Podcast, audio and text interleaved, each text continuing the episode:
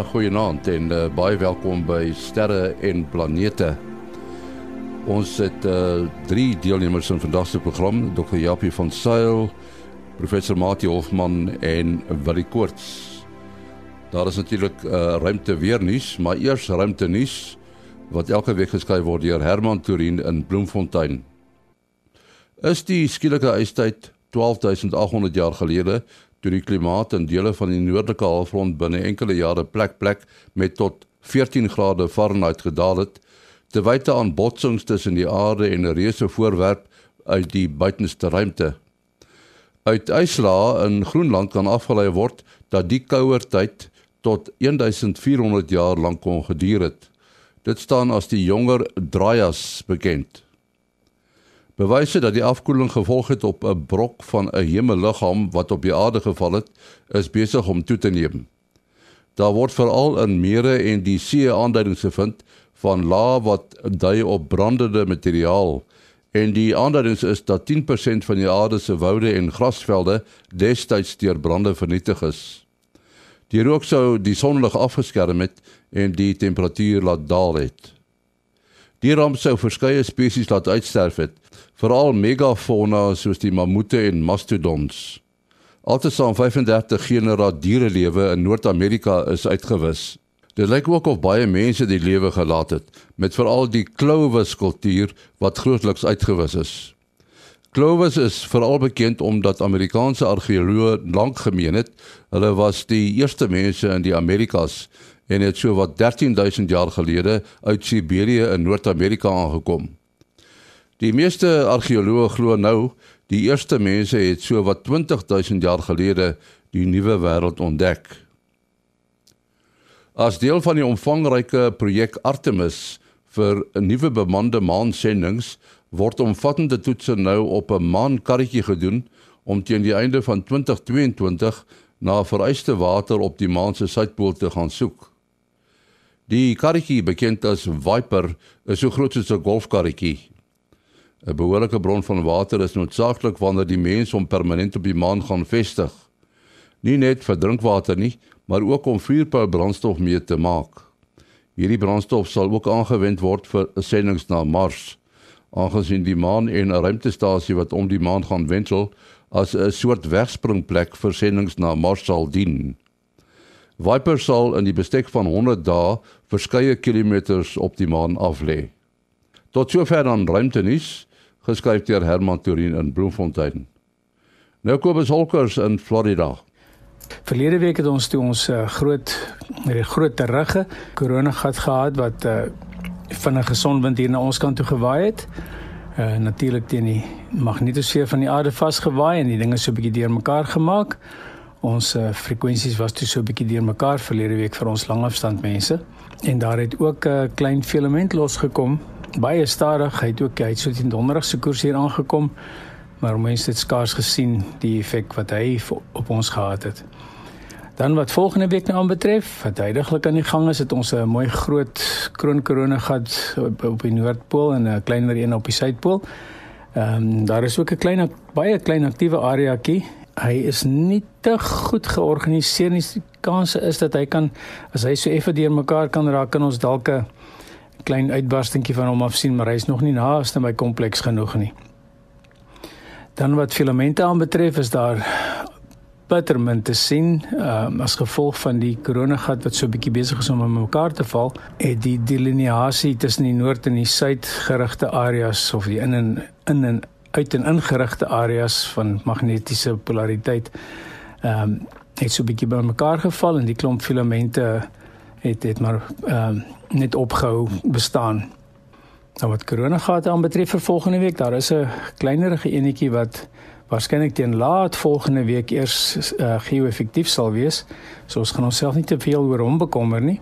Uh, ons sal dit in die week daarna sien vir die res van hierdie week ehm uh, sal dinge relatief stil wees. Daar is 'n paar kleinerige korona gaatjies wat waai, maar soos ek sê, ek dink die effekte hierdie week gaan klein wees. Ons uh, behoort geen probleme te hê nie. Goeienaand almal. Baie dankie Kobus Olkers daar in Florida, Amerika. Ja, ons span is vanaand weer gereed en dit is uh professor Mati Hofman van die Universiteit van die Vrystaat, die Boydensterrewag en die digitale planetarium. En dan is daar uh, Dr. Japie van Sail van Hydrosat daar in uh, Kalifornië en ook uh, wat ek hoors van die SAAO. Nou ons het uh, weer 'n luisteraars vraag wat ons wil hanteer onder andere dit is nog steeds Koos Swart wat uh, vraag dit is eintlik sy tweede deel van 'n vraag wat ons aan die laaste keer kon beantwoord nie die posisiebepaling. Hy sê op aarde bepaal ons die posisie van enige punt volgens 'n drie-assige metode met 'n y, x en 'n z as wat gebaseer is op 'n vaste verwysingspunt waarvandaan die metings gedoen word. Nou ek vermoed dat hierdie stelsel nie bloot uitgebrei kan word na die ruimte buite die aarde se omgewing nie omdat alles relatief tot mekaar beweeg. Ek verstaan dat die posisies van sterre in die hemelruim soos van die aarde af gesien beskryf kan word in terme van die hoogte bo die horison en afwyking uh, na wes of oos. Dis nou 'n grade van die waarnemingsposisie. Maar dit sal nie help om die baan van 'n ruimtetuig op pad na die maan of na Mars of die beweging van die komete en planete om die son te beskryf nie. Ek vermoed dat die posisie van die son miskien as 'n basis kan dien. Hoewel die son waarskynlik selfs in beweging relatief tot die sterre is waarvoor daar seker 'n korreksie in die berekenings ingebou kan word. En hy vermoed ook dat daar meer gevorderde wiskunde gebruik word om hierdie berekenings te doen. Nou is die vraag, is dit moontlik om vir ons oningeligtes 'n uh, vereenvoudigde prentjie te gee oor hoe die posisies en bane van hemelliggame bereken word. Nou ja, ek weet nie hoe eenvoudig jy dit kan stel nie, Willie. Uh ja, kom ons begin gou 'n vinnige voelvlug. Die XYZ metode gebruik ons selfs in in sterrekunde tot 'n mate waar ons as jy dink aan 'n driepoot wat jy neersit of 'n dumpy level of of wat ook al jy jy sit 'n driepoot neer en jy dan jy twee uh uh, uh koördinate nodig om enigiets in die lug te kry. 'n sogenaamde altitude en azimuth. So altitude is dan die hoogte uh, wat jy dan die driepoot sal moet tip. Die kamera sal moet tip om op 'n sekere hoogte en dan die azimuth is dan hoe jy geroteer het sê maar van noord af wat ons om gewoonlik 0 grade oos is dan 90 grade, suid 180 grade ensovoort. So dit is natuurlik een metode, maar die probleem soos hy reeds gesê het hier, ehm um, die goed beweeg en natuurlik dit gaan ook afhang waar op die aarde jy is. So jy kan nie vir iemand 'n alt-as posisie gee in Amerika en sê maak gou jou kamera daar nie. So dit gaan nie werk nie. So dan het ons 'n tweede stelsel wat ons noem 'n ekwatoriale stelsel wat ons die aarde se asse gevat het en dit uitgevat het tot op die hemel en ook die ewenaar. Ehm um, so as jy dit dink daaraan dat die sterre is op op oneindigheid, so die sterre staan relatief stil met betrek met betrekking tot mekaar en op hierdie massiewe bal deur ver en die aarde draai binne in dit. So ehm um, so dan het hulle 'n stelsel wat gebaseer is op 'n lengtegraad breedtegraad op aarde wat jy net uitgevat het na die hemel toe. So ons het 'n 'n suidhemelpool, ons het 'n noordhemelpool en in die noordhemelpool sit daar byvoorbeeld 'n ster met die naam van Polaris of die North Star en en dit kan ons natuurlik nie van Suid-Afrika af sien nie. Maar ons hulle kan ook nie die Suiderkruis en natuurlik hier by die as die mense onthou van hulle weermag hoe jy suid bepaal of hulle voortrekkers hoe jy suid bepaal met die Suiderkruis, dan kyk jy na die suidhemelpool en dan het jy natuurlik ook die die uh um ewenaar so jy het 'n hemel ewenaar wat net 'n verlenging is van die van die aarde se ewenaar en waar jy dan by die by die sterre uitkom. En dan is daar 'n tweede stelsel wat sterrekundiges gebruik wat meer na die heelal toe werk, wat na die hele groter prentjie kyk. So hierdie stelsel wat ons nou beskryf het noem ons die ekwatoriale stelsel en dit is in die aarde se uitgebrei is en dan kyk jy ook na 'n stelsel 'n koördinaatstelsel wat hulle die Melkweg gebruik as verwysing. So dan vat jy die Melkweg se een as uh en dit is dan jou 0 en 90 grade daarop is jou ander as en dan het jy nou die die verskillende rigtings. So dit is in in in breë trekke hoe jy uh uh hoe jy dan posisie kan bepaal in die in die ruimte. En dan het nou ook gepraat van satelliete en so aan en Japie kan ons miskien bietjie help daar, maar uh die goeters is nou weer relatief aan die beweeg tot die aarde. So hier gaan jy weer hulle bane bepaal en en en uh, Kepler se wette het vir ons hier uh, ses koördinate waarmee jy enige baan kan bepaal om op enige tyd stip te weet waar is wat en natuurlik die planete beskryf ons met daai selfde stelsel satelliete om die aarde en en natuurlik as jy dan nou uitwerk na die na die ander planete toe dan raak dit 'n bietjie ingewikkelder. So ja, dit daar's definitief baie baie wiskunde betrokke en ons ons praat hier van sferiese wiskunde. Dis nie meer plat vlakke jou jou sin kos en dan uh uh, uh op 'n stuk papier werk net op twee dimensies en dan as jy op drie dimensies begin werk, dan moet jy sogenaamde sferiese tegeometrie gebruik wat ons nou nie op die lig kan verduidelik nie want ek kan dit self eers mee onthou uit my uit my 101 daar van die Lisa gewees. Ja. Uh, mens kan dit vir jou so maklik as moontlik probeer maak en die die manier hoe ons verduidelik vir mekaar hier op die aarde bly maar die prototipe as jy vir ou gaan sê hy moet iets in die lug vind. Ook soos wil jy verduidelik het met in watter windrigting moet hy kry of jy kan sê sien jy daai lang toring as jou verwysingspunt kyk soveel grade links, kyk soveel grade bo die horison en dan is die ding nou nog so ver. So dit is nou waar jy hoeke en 'n afstand gebruik teenoor 'n x, y, z. Maar die belangrike ding is dat 'n uh, uh, posisiemeting en snelheidsmeting is is relatief en relatief tot wat hang van gerief af. 'n Mens wil dit maar altyd so maklik as moontlik vir jou maak. So ek kan my nou voorstel as uh wel sê nou maar NASA stuur 'n tuig daar na Jupiter toe met die baie met sy baie maane of satelliete uh daardie satelliete sal jy waarskynlik weer hulle posisies en bane wil meet in met 'n koördinaatstelsel wat uh Jupiter of die swaartepunt van die stelsel wat amper by die middelpunt van Jupiter sou wees, die verwysingspunt is en dan is daar ook 'n vlak analoog aan die aan die ekliptiese vlak in die sonnestelsel. Die ekliptiese vlak is nou mos maar wat die planete uh wat die aarde in sy baan om die son is en die ander planete is baie naby met hulle bane aan daai vlak. Maar in die geval van Jupiter is daar 'n hele aantal maane wat naby aan 'n bepaalde vlak is. Uh onder andere die vier Galileaanse maane, maar plus nog 'n ander.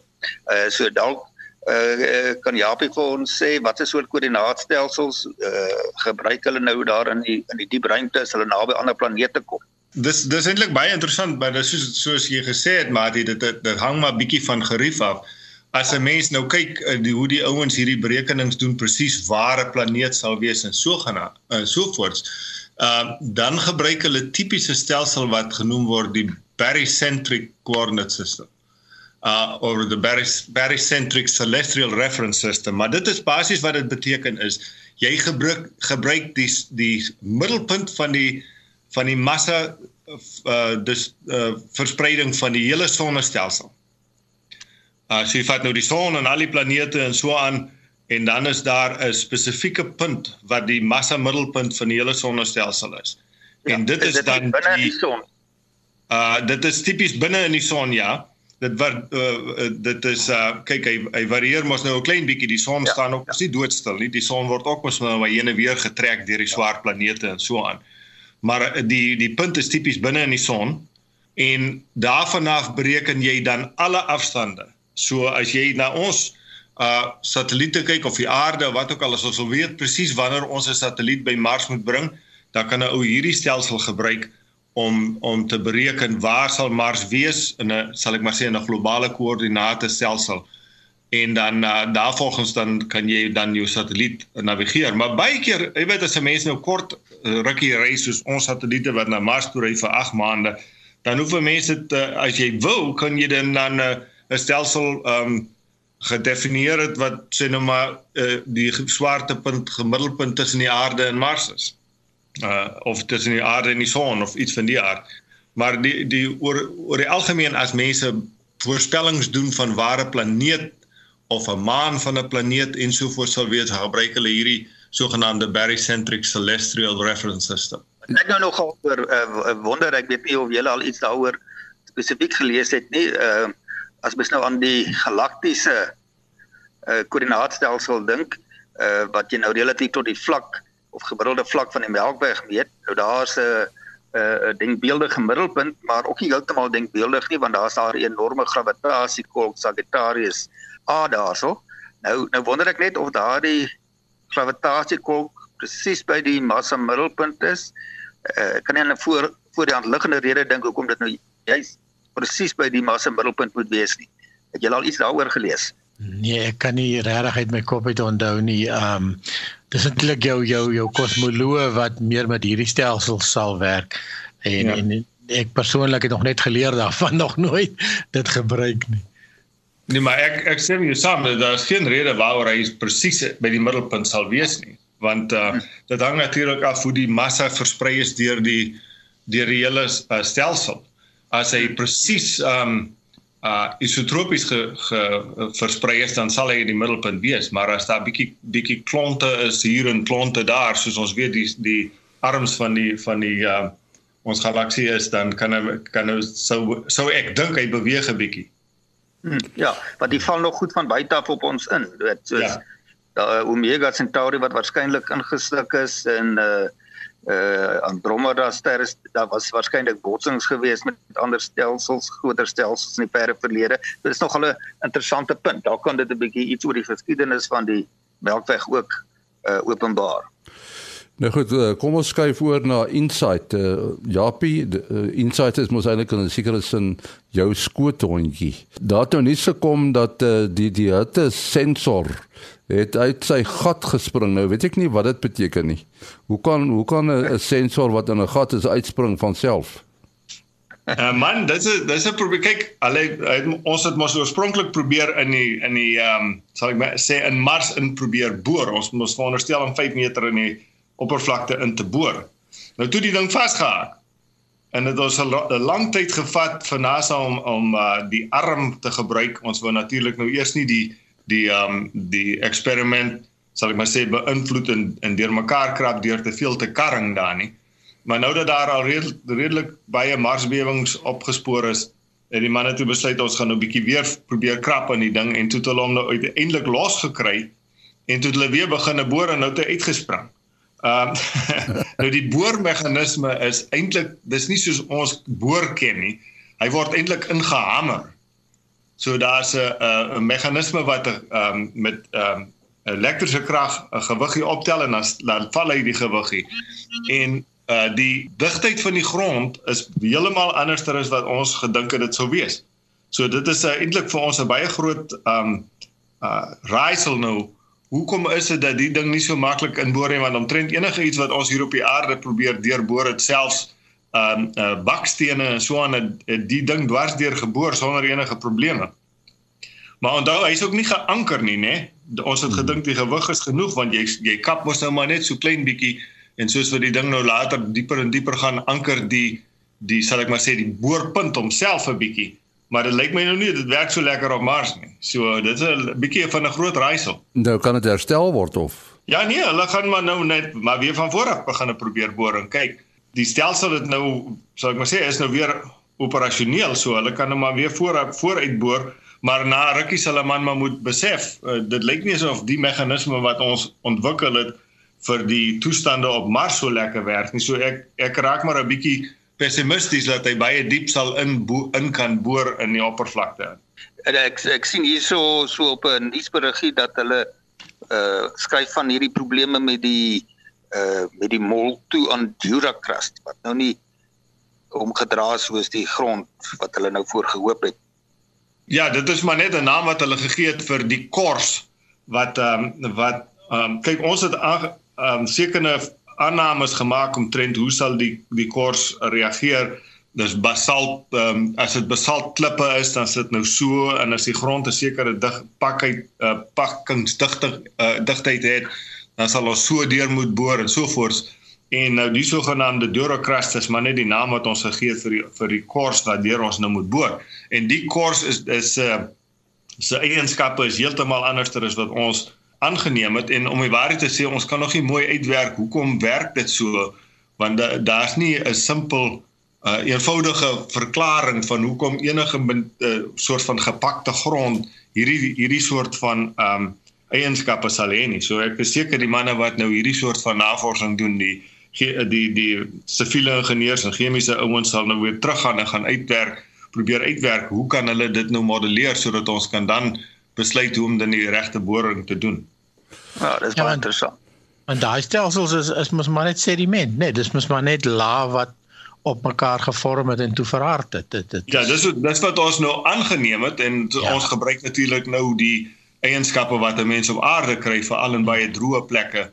Uh hoe die goeters uh, aan mekaar ge ge ehm um, geleem word, sal ek maar sê met die tyd op aarde, maar dit lyk my die die die eienskappe op Mars is heeltemal anders. Hulle het hulle superglue daar gebruik het nie. ja. ja, en uh, Japie het seker gehoor van die voorwerp wat uh, daar iewers in Amerika in 'n boer se agterplaas beland het. Nou ek ek neem aan dit is nie uh, 'n uh, satelliet of so iets nie want die die goed brand mos nou uit. Waarvandaan kom die ding? Ehm um, ja, kyk, satelliete oor die algemeen brand uit, maar nie altyd nie, né? Hmm. Maar hierdie spesifieke ene is toe nou nie ehm uh, dit lyk ten minste asof dit nie 'n satelliet is nie. Dit uh, wil voorkom asof dit meer iets is wat uh, soos 'n ballon wat ge uh, gelanseer is van 'n van 'n staat naby Michigan. Die die die ding het nou in die staat Michigan in 'n boer se se agterplaas geval. En ehm um, hierdie ding lyk vir my asof die ehm uh, dit dalk 'n ballon is wat uh, uh vanaf uh, die een van die nabye state in Iowa gelanseer is. En uh, met ander woorde, dis dit dit kan dan verklaar hoekom hy nie uitgebrand het nie, want die ballon het nie so hoog gegaan dat die ding deur die hele atmosfeer moes teruggekom het nie.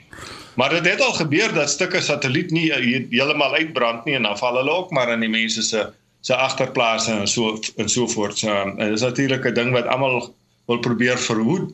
Jy wil nie op die ou en die man wees wat se satelliet op 'n huis geval het en mense doodgeval het.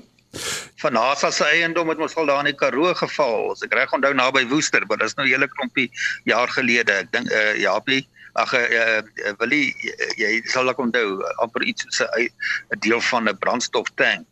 Dit was 3 drie dele maar hulle hulle hulle het uitgebrand. Ja. Ja. ja. Ek vra die vraag, sê nou so iets val op jou of uh, iemand wat jy ken en uh jy gaan nou dood as gevolg van so ding. Het jy enige eis of jou familielede, het jy enige eis teen iemand vir so iets? Uh ek weet nie presies nie. Daar is 'n hele uh spesiale uh sal ek maar sê 'n uh, wet stel wette. Um om die waarheid te sê, net verlede week was daar 'n groot konferensie in in Washington. Die ding is verskillende plekke elke jaar toevallig hierdie jaar was hy nou hier in die FSA by um, in Washington. En 'n 'n groot deel van daai konferensie is omtrent sogenaamde international space law. Ja. En uh, dit dit is nou waar die mense al hierdie goeters oor uitstry. Meeste ruimteagentskappe soos NASA en so voort. Hulle moet as as ons byvoorbeeld 'n uh, 'n uh, aardsatelliet lanseer van 'n uh, plek soos JPL, dan moet jy aan NASA bewys dat uh, daai satelliet um of vir 10000 jaar in sy baan kan bly. Uh stabiel in sy baan kan bly of jy moet hom uh kan be bereken dat al sy dele sal uitbrand in die atmosfeer of die derde ding is jy het genoeg brandstof om of om hom um onder beheer af te bring sodat hy in die sinema in die stille oseaan sal val. So ek neem aan daar is in hierdie internasionale ruimtewette daar sal uh, jy weet 'n um, beslissing wees oor wie verantwoordelik vir die ding. Ek neem aan dit is die satellietoperateurs, maar ek ek weet nie verseker. Hierdie uh, geheime tuig wat uh, nou teruggekom het na 'n hele klompie maande in die ruimte in 'n wentelbaan. Uh, ek dink hulle noem hom die X37B. Dis 'n militêre 'n militêre tuig, nee. Dis reg ja, dit is die uh, die Amerikaanse lugmag se ja, jy kan hom maar die space shuttle noem. Dis hulle hulle uh, space shuttle ja. Het hulle net een of is daar meer as een? Uh ek weet nie en as ek geweet het mag ek ook vir jou gesê het. uh dit nee, dit is 'n geheime program en hulle tot baie onlangs nie eers erken dat hulle die ding het nie. Uh so uh, ek weet ongelukkig nie hoeveel hulle het nie. Ek neem aan daar's meer as een, maar ek ek kan dit nie verseker sê nie. Ja, ja, dit is 'n uh, interessante stukkie geskiedenis met uh, ek kan nou nie meer die hele geskiedenis onthou nie. Ek dis 'n artikel uh, uh daar in Manassa geskryf toe ons eie Greg Roberts wat uh, Dinsdag 80 jaar oud geword het. Ons wil hom sommer geluk wens oor die lig uh, ons Suid-Afrikaanse baas satellietjagter um het het hierdie het hierdie ek X37 by uit 'n ander naam gehad van die eerste uh, sendings maar dit was dieselfde tuig uh, uh hulle het hom opgespoor destyds vir die eerste keer en soos Dappie nou sê daar was daar was taamlike geheimhouding geweest maar die ding is redelik groot en as jy hom eers weet waar om te kyk dan is dit eintlik maklik om om om hom te sien. En um toe was dit vir my verbasend baie inligting oor hom beskikbaar en uh, as jy teruggaan in sy geskiedenis voordat die die lugmag dit oorgeneem het was dit eintlik 'n nie 'n geheime sending nie. Dit was nie 'n uh, uh en en toe was daar 'n hele klomp inligting hieroor beskikbaar gewees. En uh toe die lugmag het oorgevat en en en toe toe het uit die aard van die saak kon hulle verder ontwikkel het aan hom en so aan en en uh, uh en dan het hy ook 'n sonpaneel wat hy wat hy uit ontplooi wanneer hy daar daarbo is. En en hy was al 'n paar keer gelanseer ek dink as ek, ek hierdie moet nou die 4 of die 5de vlug wees as ek nou net so vinnig dink. Um en in die hart van die saak die langste want 780 dae wat hy nou in in 'n wentelbaan is. So dit sal interessant wees om te weet wat toets hulle op hierdie stadium. Um dit lyk my net soos uithou vermoë en goeders maar omdat dit na, natuurlik nou geklassifiseerde sending is is sal daai inligting nou nie bekend wees nie Ja, ons moet afsluit. Uh Jaap, jou besonderhede? Uh my e-posadres japijpl@gmail.com. japijpl@gmail.com. Willie? As 0724579208. 0724579208. Dan Mati? 0836257154. 0836257154. En dan my e-posadres is maas.henny@gmail.com. maas.henny@gmail.com. Ons is volgende week terug. Tot dan, alles van die beste.